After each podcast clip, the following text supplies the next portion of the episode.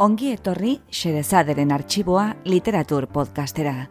Podcasta hau egiten dugu Jasone Larrinagak eta Ana Moralesek leioan eta mungian.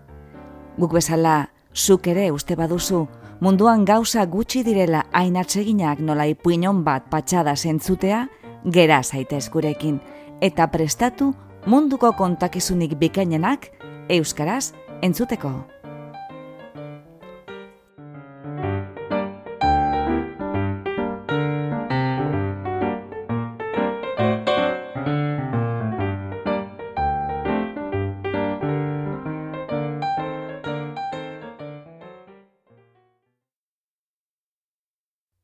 Gaur, Xerezaderen arxiboan, Gerra Zibilak, egilea, Iban Zaldua.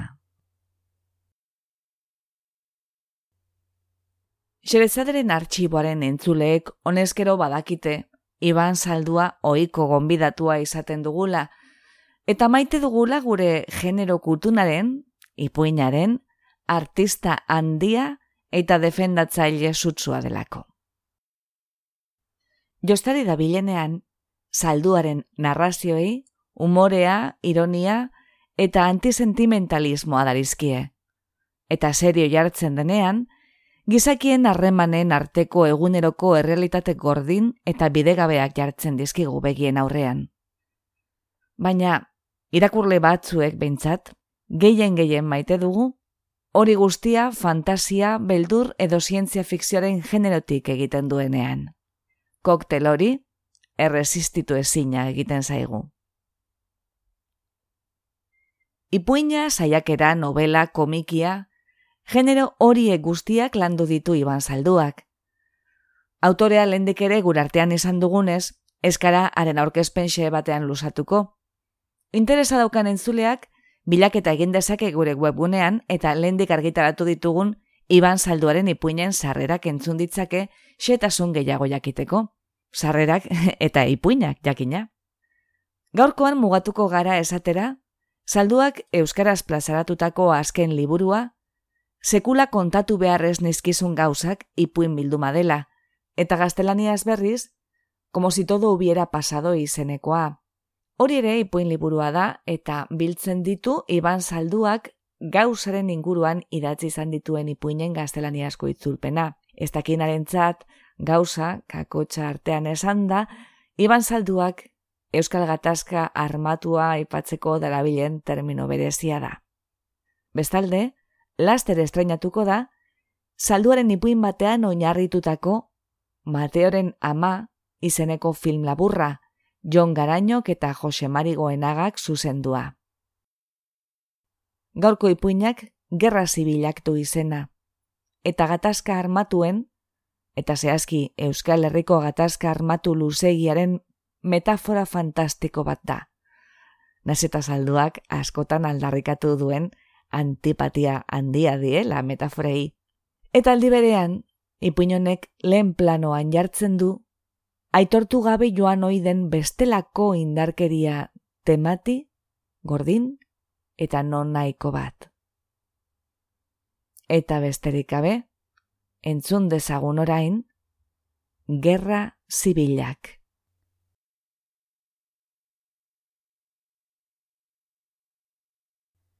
Gerra guztiak dira gerra zibilak. Gizaki guztiak berdinak direlako. François Fenelon Azkeneko kuadernoa da hau. Geratzen zaidan azkeneko kuadernoa. Sargentuak ez daki besterik lortu izango dugun denbora batean, eta papera alik eta hobekien administratzeko alkatu dit. Horregatik saiatzen ari naiz txikiago idazten. Espero dut nire letra behintzat ulertuko dudala, berri irakurtzen dudanean. Idazten ari naizen hau, berri irakurriko dudalako, ziur nago asko lusatu gabe. Aurreko kuadernoak maiz hartzen ditut basera itzultzen garenean. Konpainia handia egiten didate. Honekin gauza bera gertatzea espero dut. Artu dut lehenengo erabakia. Nire egunerokoa, hemen aurrera, ez da horren egunerokoa izango. Gauzarik esanguratzuenak baino ez ditut hemen jasoko. Beste kuaderno edo paper horririk topatzen ez dugun bitartean behintzat. Sargentuak esan digu, ez dela komeni bailar aldera urbiltzea, bertan mugimendu handia sumatzen dela azken aldi honetan. Erreketeak, galdetu du Markelek, baina sargentuak, beti bezala, ez dakit, lehor batekin erantzun dio. Eta betiko erretolikarekin jarraitu du.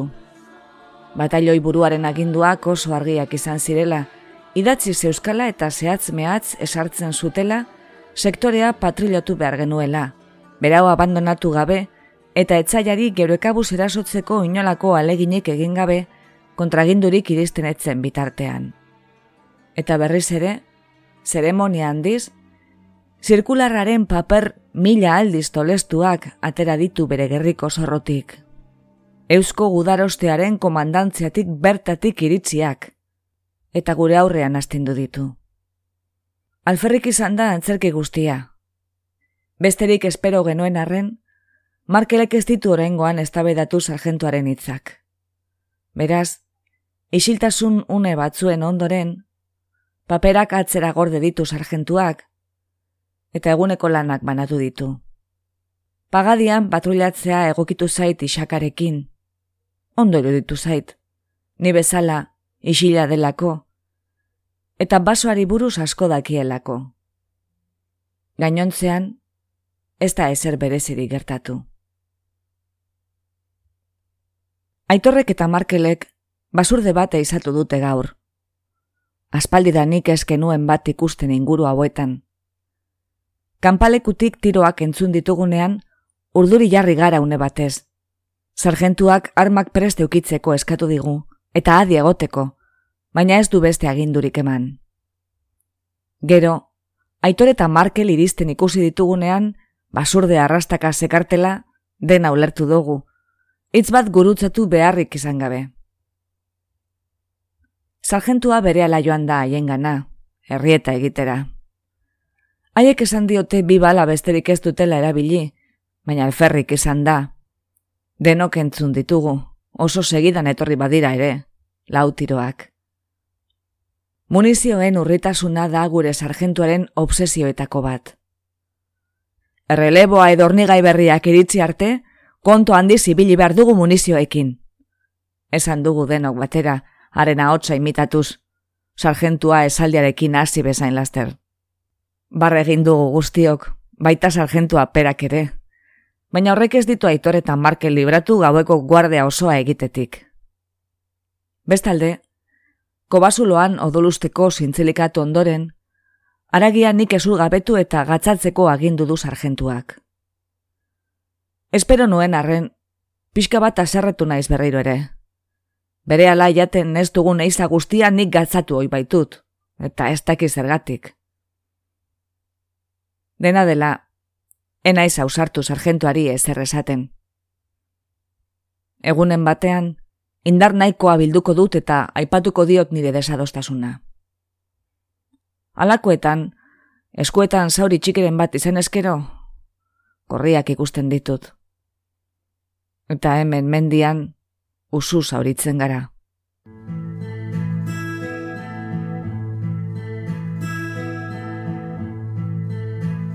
Gaur, ikurrina altxatu dugu. Oso gutxitan egiten dugu, segurtasun arrazoien gatik, egun seinalatuetan soilik. Aberri egunean, saninazio egunean, Sabino Aranaren eriotzarenean. Gaurko motiboa zein izan den ezin dut hemen aipatu, sargentuak debekatu egin didalako data bat bera ere esartzea nire egunerokoetan, baita lekuen benetako izenak erabiltzea ere, etzailaren esku eror daitezkelakoan. Mazta ez da oso altua egia esan, eta ikurrina ipintzen dugunean, baino ez dugu esartzen kobasuloaren aurrean, bertan propio eginda daukagun zulo batean. Eta badazpada ere, bi orduz baino ez dugu bertan izan. Unkigarria izan da alata guztiz ere. Sargentuak, lauaxetaren bi poema irakurri dizkigu, eta Jose Antonio Agirre gure armadaren aurrean Bilbon egindako diskurtzuaren zati bat. Sargentua desfila hartan izan zen eta amaitzera doanean dardar egiten dio ahotsak. Gure aita errezatu dugu ondoren, belauniko. Amaitzean, mazta erretiratu eta ospakizuna biribiltzeko, basurda eragia berriro ere jateko baimena eman digu sargentuak. Gaur markelekin joan behar izan dut patrullatzera, ermita zaharra igarota dagoen arkadi aldera. Ez dut atsegin markelekin ibiltzea, eta ben baino gehiagotan saiatu natzaio adirazten sargentuari, baina berak ez ditu lertu, edo ez ulertuaren nahekin du. Agianen naiz izan beharko nuken bezain argia. Gauetako kontua hor dago, eta gainera, gehiegi hitz egiten du, etengabe. Beti galdetzen dit idazten ari naizen paper hauei buruz, eta erakurri nahiko lituzkela esaten dit. Esetz esaten dio peti. Isaka eta etor goiz itzuli dira errekaldera egin duten ibilalditik. Erreketeak ikusi dituztean, kanpatuta, iturri burdintzutik ez oso urrun. Ez dira urbildu eta, antzadenez, haiek ez dituzte ikusi. Sargentuak haiei buruzko berri zehatzak eskatu dizkie. Zenbat diren, zei edo zazpi, gure bezalako patrulla bat alegia. Ze armamentu dara maten, mosketoiak baino ez dizkiete ikusi, ez dirudi subfusilik edo metrailadorerik dara matenik. Irraterik baote duten, ezin dute guzti seguru egon, baina haien ustez ez, Betikoak direla erabaki du sargentuak. Gure sektorea zelatatzen inoiz ikusi dugun talde bera. Sekula ez dira egon ordea, gu handik horren urbil. Itzi gurutzatu gabe ere, guztioko hartu gara horretaz. Markelekia eraso egingo diegun galdetu dio sargentuari, itxaropenik gabe baina, eta provokatzeko asmo ziurrenik. Deno gaude zer ez egiteaz nekatuta. Sargentuak gure aginduak zeintzuk diren gogorarazi dio. Egokitu zaigun eremua zaintzea. Etxaiarekin zuzenean talka ez egiten saiatuz, eta aginte gorenaren zako txosten bat osatzea, haren mugimenduen berriekin. Markelek bere ala eskaini du bere burua bolondrez baiarara jaitzi eta mesua aginte gorenari eramateko, baina sargentuak ez du horrela ere pazientza galdu. Errepikatu dio, ondo dakiela ingurua ziurra izan ezean, debekatuta dagoela mesularien bitarteko komunikazio oro. Eta irratearekin saio berri bat egingo dugula gaur gauean bertan. Markelek barre egin du, ozen, aina sargentuak ez dio kontuan hartu. Edozein modutan ere, lan handia esan dugu hortik aurrera, Sargentuak ez du agindurik bat ere eman behar izan, ondo baitakigu denok zer egin behar dugun. Kobasuloko basea alik eta lasterren desegin, eta gure presentziaren arrastu guztiak ezabatu. Hiru ordu baino gutxiago eman dugu langintza horretan. Inoez baino bizkorrago aritu gara, eta amaitu bezain laster, sakutoak ondo kargatuta, bigarren basera abiatu gara. Mendialdeko bordara. Gure Espainetatik kexarik irten esten arren, penaz gaude. Ez delako basuloa bezain erosoa. Eta gutako batzuek inguruan zabaldu ditugun lubakietan igaro beharko ditugulako gauak. Txandaka. Baina tira. Urtaroa ez da horretarako txarrena ere. Eta gauerako guztiz instalatuta gaude bertan. Naiko garbia aurkitu dugu guztia. Lehenengo gaua bordan pasatzea egokitu zait. Sargentuarekin, aitorrekin eta isakarekin batera, sorionez. Lubakian, golobikak eta markelek egon behar izan dute. Irratiaren zeremonia berriro ere. Ala deitzen dio burlaizez, markelek. Trastea borda ondoko menditontorrera igo, Pisteko itxurak egin, eta sarrerako dea morse osatu ondoren, agintearekin komunikatzen saiatu gara. Alferrik. Aspaldi dago ondatuta, eta bateria guztiz agortuta. Baina sargentuak inoiz miraria gauzatuko dela espero du, eta aginduetan ezarritako epeetan saiatzen jarraitzen du, utzik egin gabe. Ordu erdiz tematu da. Gaurkoan, nik lagundu diot bertaraino, eta elkarrekin jaitzi gara borda aldera gero. Armak desmuntatzeko eta garbitzeko saioa. Erreketen urbiltasunak urduri jarri bide du sargentua, eta lako egoeletan oiduen moduan, armen berrikuspen bat egiteko agindu du. Armen garbiketa, objektiboki garrantzitsua denarren, kontua da saiook badutela nolabaiteko pizgarri bat. Gure arteko demak bihurtu dira. Sosketa egin dugu eta nire sufusila tokatu zait. Nire sori gaiztoa madarikatu dut. Azkar samar egiten ikasi dut, baina ala eta guztiz ere, nahiago karabina edo mauserra, naiz eta ale birekin aritu behar. Oiek desmuntatzea eta bermuntatzea arrasagoa denez, leian parte hartu nahi duenak bitas arduratu behar du, bakarraren ordez.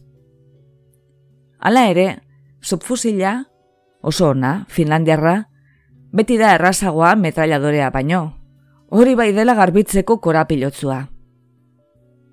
Izan ere, Ia ia esan daiteke dema hauengatik baino ez dugula metraiadorea gordetzen. Aspaldi agortu baitzitza egun arentzako munizioa. Tira, horregatik eta sargentuak hornigaiekin batera eritziko zaigula espero duelako. Beste guztion, itxaropenen aurka. Berriro ere, karabinak egokitu zaizkionak irabazi du, koldobikak. Nik bigarren lekua lortu dut nire subfusilarekin. Ia ia harrapatu dut koldobika, eta oso posik nago horregatik. Sortze minutu.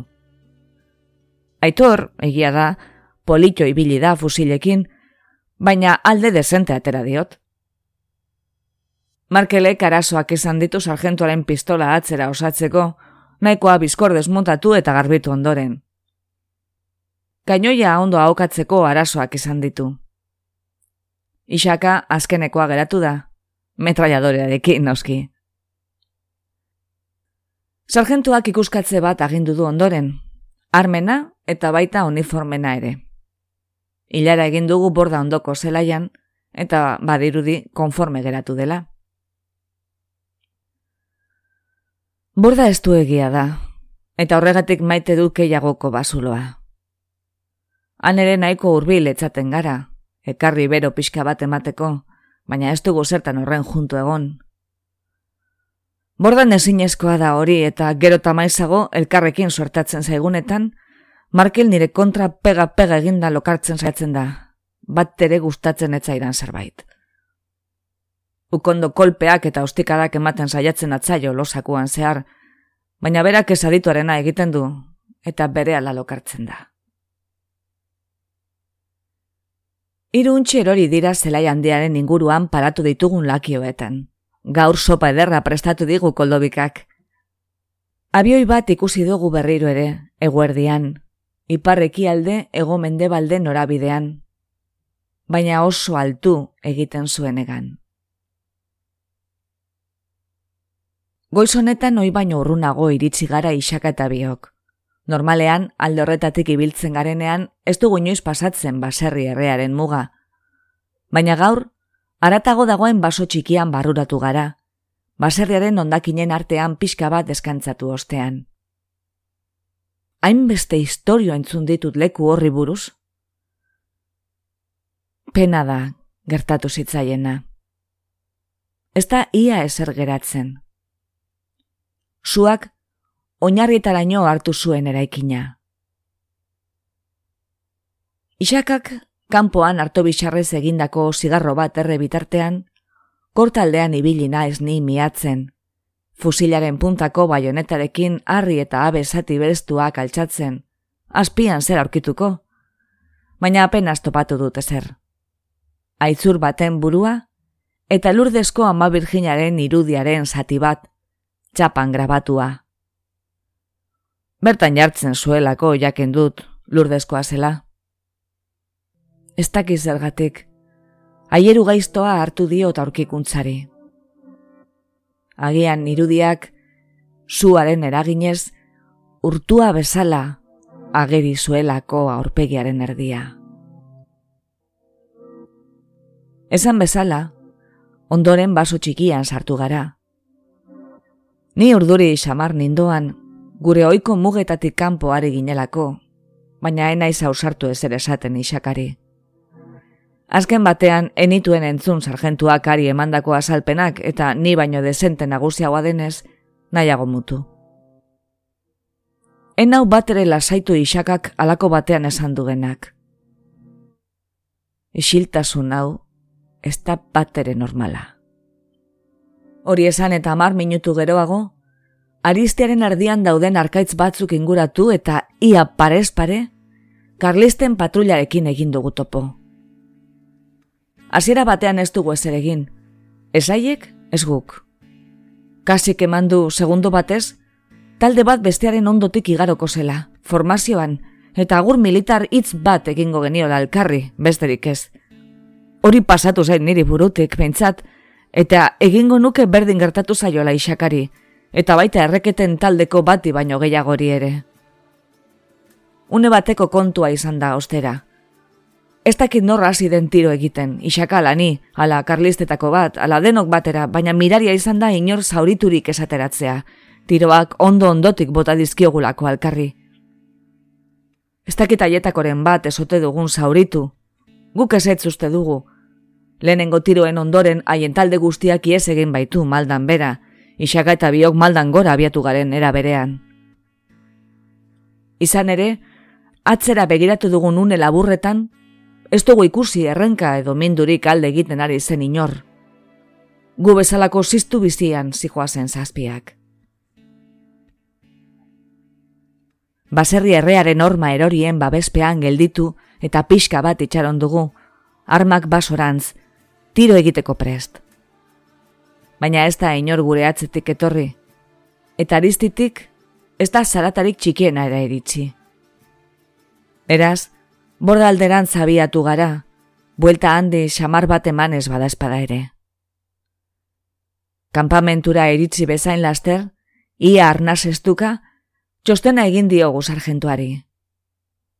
Ark, beti bezala, zerio jaso ditu berriak, baina ez du gertatutakoa ziruzkinek bota ez dakielako zer egin, agian. Nik ere nuke jakingo. Urrengo eguna, bordaren inguruan eman dugu. Gure borrokaren beharamuneko izpide nagusia ordea, ez da izan tiro trukea bera. Gure kanpalekuan zeudenek entzun ere etzutena, bide bat ez esan da. Baizik eta, isaka eta bion hitzesko txostenean agertu zen kontra esan bakarra. Erreketen artean, emakume bat ikusi nuela iruditu zitzaidala niri. Ari ez bezala. Ni ia ziur nago horretaz. Emakume bat ikusi nuela iesi, mosketoia eskuetan, atzera begiratu nuen une haietako batean. Barre egiten didate besteek. Gonase antzita altzebilen? Adatz luze altzeukan? Edo mototzak? Guxaren distira sumatu zenion Espainetan, ala? Eta nik ezin erantzun emakume itxura hartu niola besterik. Gainontzikoen uniforme berdinaz jantzita zijoan arren, txapel gorria eta guzti. Margarita bat, frontean? Fakziosoek lukete inola ere permitituko. Gerrak aurrera egina ala bestelako neurriak hartzera eldaitekela azpimarratu diet, baina haien barre algarak areagotzea baina ez dut lortu fakziosoek elukete inola ere permitituko. Sargentu aperak ere, askotan nire alde jartzen denak, amaitutza jodu ez da, gupidaren eta burlaizearen arteko zerbaitekin. Etzazula pentsa etzaitu da nik ulertzen, baina ziurrenik zure asmakeria izan da guztia. Hori, zorbaldan zaplada batzuk ematen zizkidalarik. ez dakit zek egin zidan min gehiago. Itzek ala keinoak. Sargentuak erabaki du eskarela hemendik mugituko oraingoz. Egunotan behin eta berriro galdetu digu isakari eta bioi, ia erreketeek jakinote zezaketen noran zetorri garen. Eta behin eta berriro erantzun diogu esetz, ez dugula uste, maldan bera joan zirela, hori argi dagoela eta kontu handi zibili ginela, askotan entrenatu garela piztarik utzi gabe desagertzeko. Askotan entrenatu gaituela horretarako berak, eta ez dugula inor sumatu guri segika. Ez du eskutaleku saldatu nahi berriro, biztan da. Ez da denbora asko igaroko basuloa utzi genuenetik, eta ez du beste gordeleku bat alferri xautu nahi. Lehenengo aldiz, aspaldiko partez, distira hori sumatu duguaren begiradan. Ala berretzi dit markelek hauean, afalostean, nigana arrimatu eta bota didanean. Xarra, zerbait prestatzen ari da. Eta minutu batzu geroago, gehitu du. Azkenean, ekintza pixka bat izango dugu. Ikusiko duzu. Berarekin bat natorren arren, sorbalda jaso ditut, ekarrizketa itzaltzeko asmoz. Ez dut lortu, ordea. Uniformeak josten, hori baino lan aspergarriagorik. Isakaren galtza batzuk hain daude zulos beteta, ze amaitu ostean, espait dirudite berberak. Ari gorria amaitu zaigu gainera eta atorrak izan dudan moduan konpondu ditut. Itxuroso geratu dira dena den. Ari gorria, oharra hartu du sargentuak, kontaktua berrezartzen denean, aginteari igorri nahi dion zerrenda luzeari gehituz. Gauean, berriro izan dut sesioa, Markelekin. Markelek arrazoi. Zerbait antolatzen ari da sargentua. Gaur tiro ariketak egiteko agindu digu zu errealarekin. Ezin genuen sinetzi, munizio aurresteko egunero entzun behar ditugun kontzelu petra guztiak gogoan. Goiko larrera iguarazti gaitu, ia oi hartzunik ez duen parajea bide delako, eta han praktikatu dugu, zuaizka batzuen goiko adarrak itu gisa erabiliz. Neore zuaizka guztiz buru gabetu dut nik. Isaka eta Markel motelago ibili dira. Markelek amaieran desatzegin, hasi berriaren zoria irribarrerik atseginena, eskaini diot nik bueltan. Isaka bere erreumaz kexatu da. Aitor bordan utzita, koldobika Isaka eta sargentua bera joan dira baserri herriaren ondoko aristira, erreketeen pizten bila. Markel eta biok aldiz, sorora bidali gaitu. Markelek ernegatuta egin du bide guztia, borrokara joan nahi duela tematuta. Sargentua bidea esploratzera abiatu dela erantzun diot nik, besterik ez. Ez dela erreketeen patoilarekin tiroka asteko bezain ergela, gutxiago izan da. Segada prestatu nahiko diela agian, nine katuta nago benetan. Ez ere egiten, estanda egingo dut. Zin egiten dizut erantzun dit, umore goibelez. Eta ez du besterik esan bide osoan. Goiko basoko oso irgunera iritsi gara. Inguruak miatu ditugu. Ez dirudi inor pasatu denik bertatik. Artoa berde dago. Distirant. Uste genuena baino garaiago. Sasitza kendu dugu baionetekin, eta isilean itzuli gara bordarantz, arkaitzen arteko bide luzeena hartuz. Ilunda kanpamentura iritzi garenean. Antza, beste ez dute erreketeen arrastorik topatu. Egun osoan, armen muntaketa desmuntaketa lanean jardun dugu. Zazpi aldiz garbitu ditugu, gutxienez.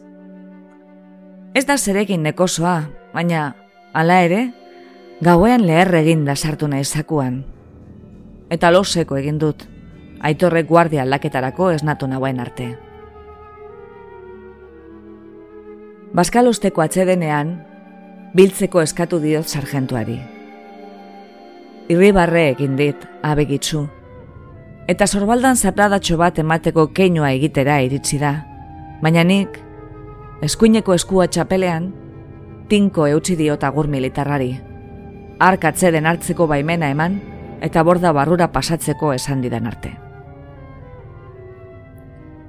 Badaki zerta zato zen. Esan dit, kopetilon. Baina nik ezin dut ezer egin. Markelen izena aipatzeko astirik ere ez dut izan. Taldeko gazteena izanik, beti babestu nau sargentuak, are gehiegi ere maiz. Jose Manuel izenetik, bera izan da nire euskarri nagusia hemen. Baina orain, bakarrik nagoela ulertu dut. Importanteena, borrokan jarraitzea da. Gehitu du, askotan legez. Gerraren legea da, konprenitu behar duzu. Gu, gudariakara.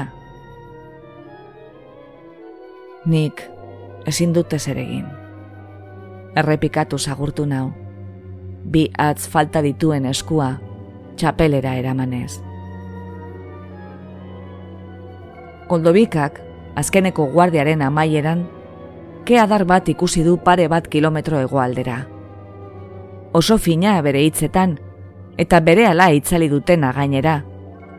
Baina nahikoa izan da.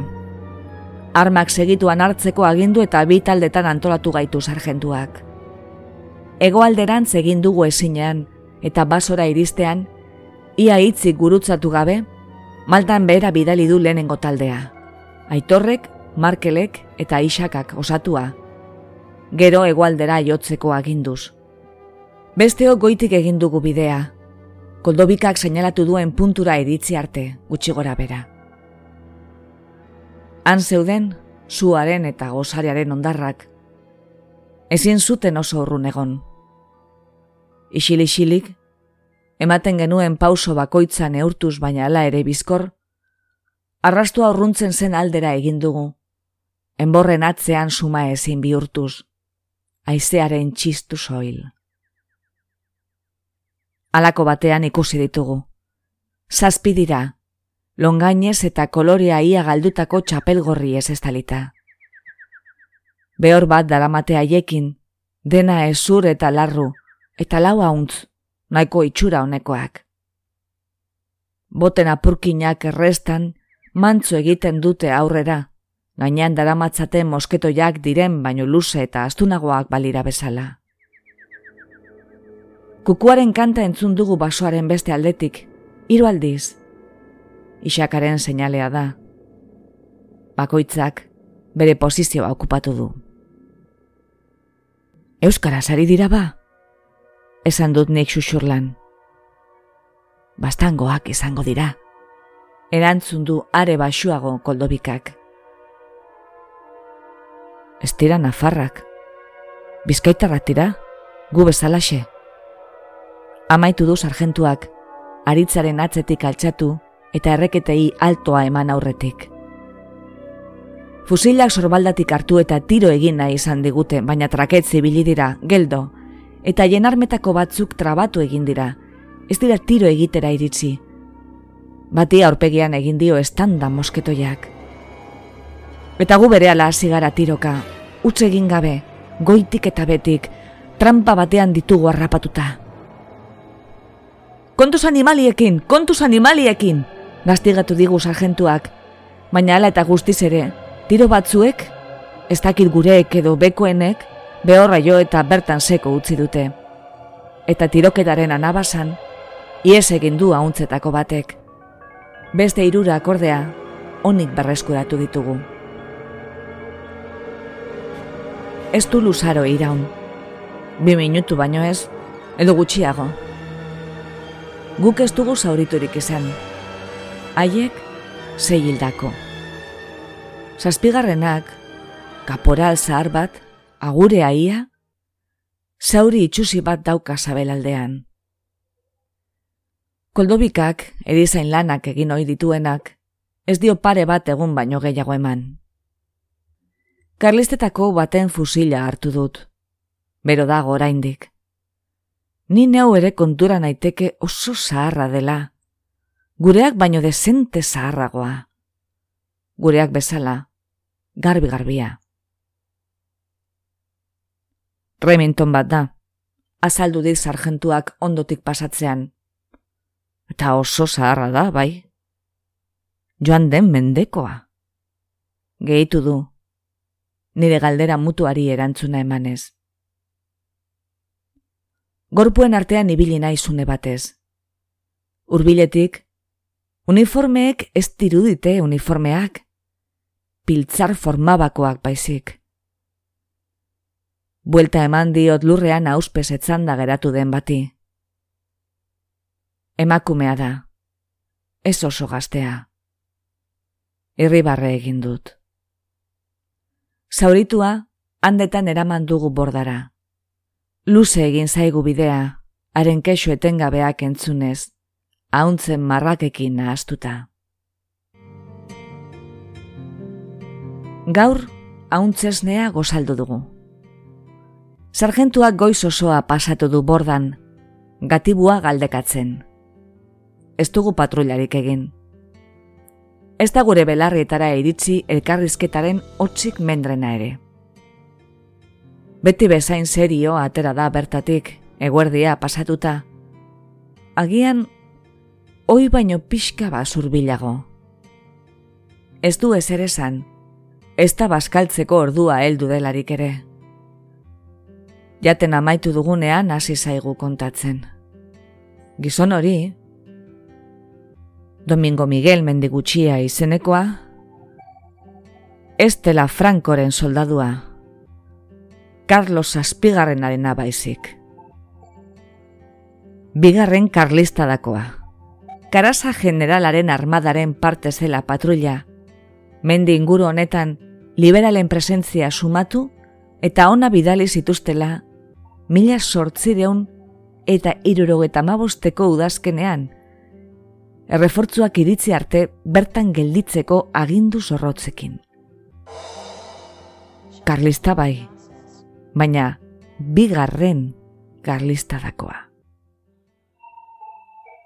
Protestaka hasi gara berehala, hori estela posible. Sargentuak keinu bateken isilara zigaitu. Ez aldituzu ikusi uniformeak, fusilak, ekipamendu guztia. Jakina ez dela patrulla bera. Ondorio atera behartzen uten honeskero. Galdekatu dudan gizona, jatorrizko patrullaren partaidetako baten birbilo bada, hil ditugun gainontzekoak bezala. Bat edo bat, birbilo ba hoietako baten semea eta guzti. Ikusi duzu haiekin zijoan emakumea, Gure gazteak, bizta ona du azken batean. Gehitu du, niri begira. Pasaden mendearen amaieran, Bailera honetako baserrietako neska batzuko mentzitu edo baitu, hori ez ditargia saldu, eta haiekin bizitzera eraman zituzten mendira. Horrela eman zioten segida beren eginkizunari. Haientzat espaita gerra amaitu oraindik. Azaldu aldi osu, galdetu du norbaitek, aitorrek edo isakak. Zertarako, aurki utziko du mundu hau. Harentzat, liberalak gara, beltzak, gobernu konstituzionalaren zerbitzariak.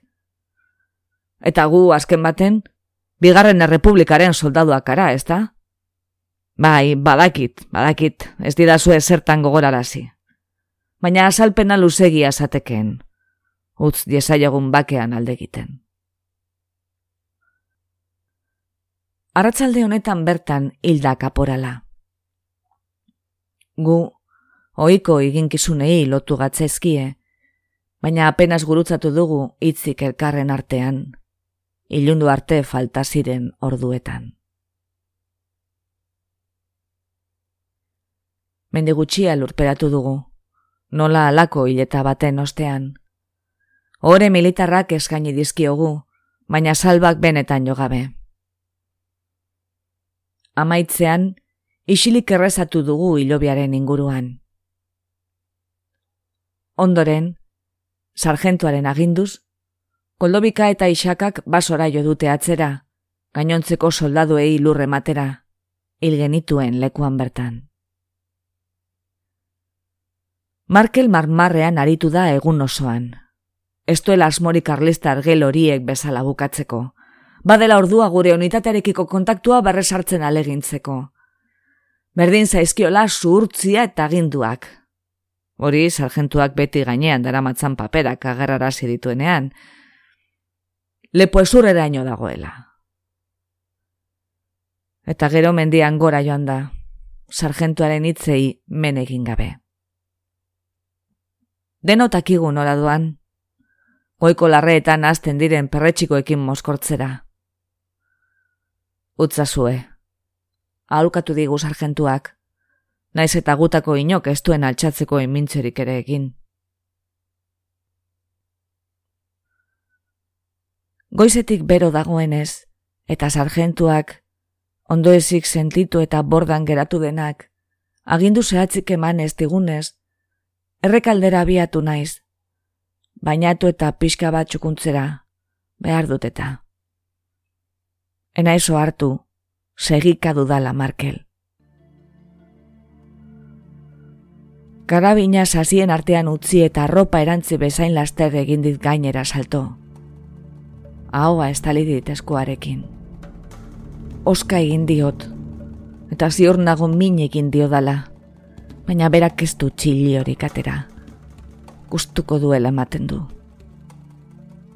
Saiatu naiz baioneta zorrotik ateratzen, baina ezin izan dutu alaskatu, markelek ez ditutzi bere kolpe gero eta bortitzagoekin. Ez dago zereginik, ni baino indartzuagoa da. Lurrean etzan arazi nauenean ordea, konturatu eginda, bere zera prakartetik ateratzen ari zela injustu eta nazkarrantza bat bota du. Ilekoarekin nago. Azkeneko kabilkada bat ezagurtu nau, aldegin aurretik. Nire zaurriak garbitu eta uniformea jantzi ostean, borda altera abiatu naiz. Ez dut markel inguruan ikusi. Sargentuaren gana jo dut zuzenean, ondo dakidan arren ez duela ez ere egingo. Importanteena, borroka inarraitzea da. Eta ni naiz, agidanez, hori posible egin dezakeen berme bakarra. Egun batzuk sukarraz pasatu ondoren, hilda sargentua. Ezin izan dugu ez ere egin. Oso zaharra zen. Irurogeta masei edo masazpi urte, ez dakigu ziur.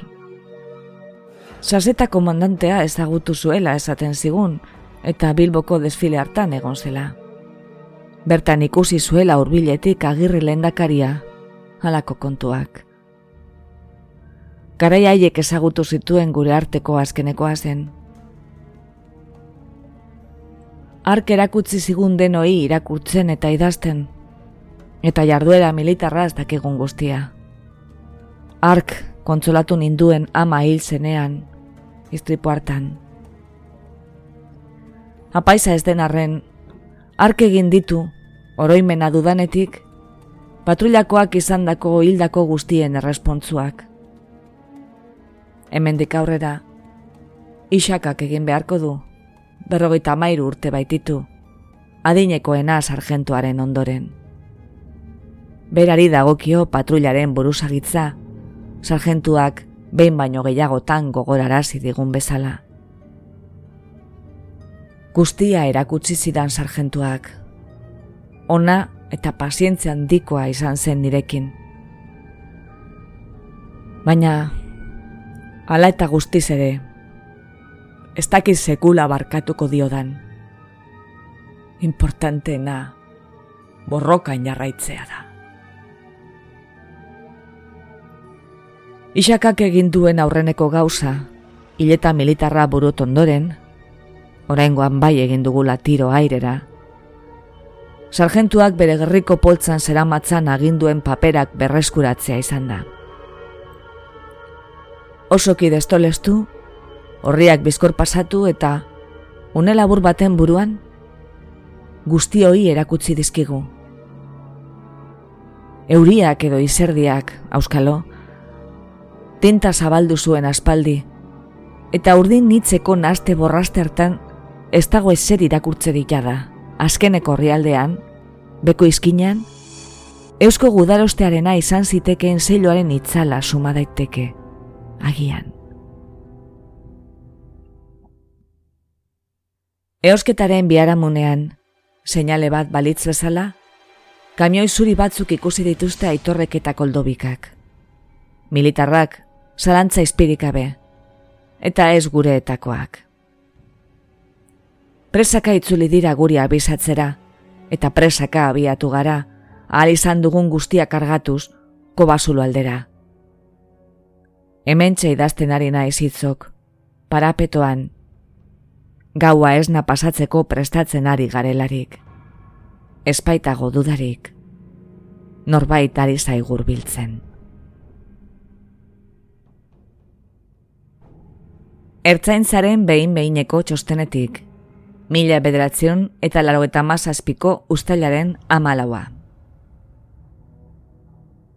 Egunerokoa, eranskinean transkribatzen duguna, neskak idatzi bide zuen. Sabine Etxebarriak, bere aitorpenaren arabera, hemendik aurrera, SE. Horri horietan azaltzen dena, oroar, bat dator koman sartu aurretik esan ahal izan zigunarekin. Eusko gudarostearen patrulla bat osatzen zutela seiek. Gu bakarrik bost pertsona identifikatu ditugun arren, oraingoz. Gorbeia konpainiakoa, arana goiri batalloiaren baitan. Inoiz, amar izatera iritsi zirela, baina berak etzuela garaiura ezagutu. Haien zeregina, ingurua zaintzea zela, gudaroste frankisten balizko infiltrazioei buruzko informazioa biltzeko aspaldi galdu zutela kontaktua beren unitatearen buruzagitzarekin ordea.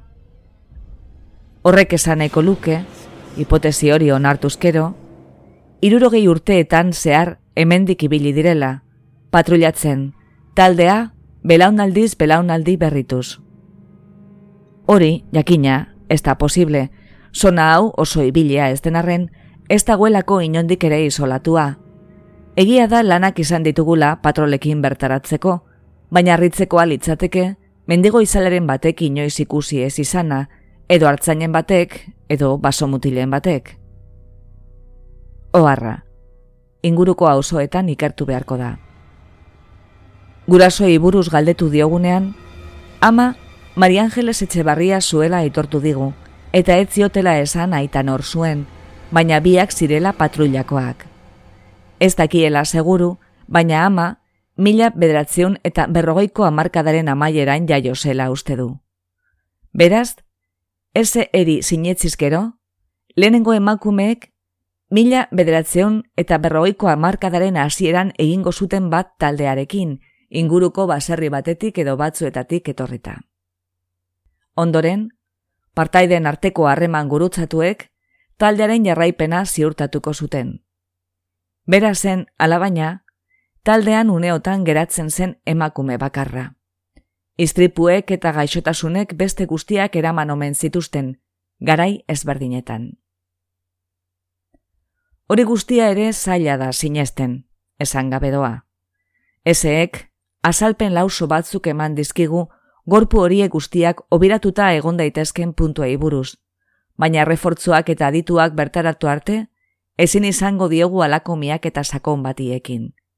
Naiko alan daukagu aurkitu dugunarekin. Edo nola ere, ezin izan diogu informazio gehiago atera, medikuek arekin hitz egiten jarraitzea debekatu diguten eskero. Naiko argi dago, edo zein kasutan ere, taldekoak nekez jo daitezkela eta kidetzat. Erasoa hasi genuenean, bagenekien baitua etzegoela haiekin, Ordurako helduak baitzitzaizkigun lasartetik haren aurkikuntzaren inguruko albiste tamalgarriak, baina hala eta guztiz ere, operatiboarekin jarraitzea erabaki genuen, agerikoa baitzen jende horrek armak zituela eta arriskutsua zela. Etakoak ez direla esateko zenbait elementu hartzen ditugu kontuan. Uniformeak, ekipamendua, ez dugu aurkitu dokumentazio ofizialik bat ere, ez legezkoa, ez da faltzua ere. Taldearen tipologia, oso adin desberdinetako kideekin, bi, berrogeita mar eta berrogeita bost urte bitartekoak. Beste bi, hogeta mar urte ingurukoak. Bat, amazazpikoa. Armak. Gehienak erabiltzeko moduan badaude ere, museoko piezak dira guztiz. Bi karabina tigre motakoak, iru fusil Mauser, Suomi KP hogeta maika subfusil bat, Hotchkiss metalladore txekoslovakiar bat, Royal pistola bat, Remington fusilaren bertzio Espainiar bat. Aipatu bezala, adituak iritzi arte ezin da askoz ere gehiago esan. Forentzeek, gainera, ez dute oraindik beren lana burutu, eta halako basuloan nola bordan topatutako material guztien inventarioa amaitzeke dago datozen orduetan, txosten osoago bat eskaintzeko moduan izango garela espero dugu. Bitartean, eta guztia argitzen den arte, ez dugu uste iritzi publikoa gertakariaren jakitun egin behar denik. Oraingoz bederen.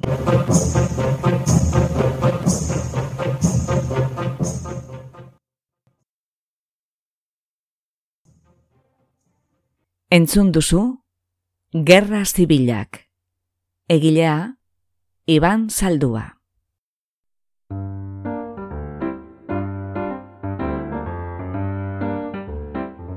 Xerezaderen artxiboko atal bat entzun duzu. Gure doinua da Charleston Behind the Attic Door, Dance of the Wind taldearena. Bizitatu gure bloga, gure audioak deskargatzeko edo online entzuteko irubebikoitz.xerezade.org Xerezade, isaz idazten da gogoratu. Eta ezaztu iruzkinak ustea. Podcast hau egiten dugu jasone larrinagak eta ana moralesek leioan eta mungian. Xerezaderen artxiboko atal guztiak emititzen dira bilboiria irratian eta arrosa zarean. Mila esker gurera hurbiltzeagatik, gustora egon bazara, Erdu urrengo batean ostera ere, xerezaderen artxibora. Laster arte!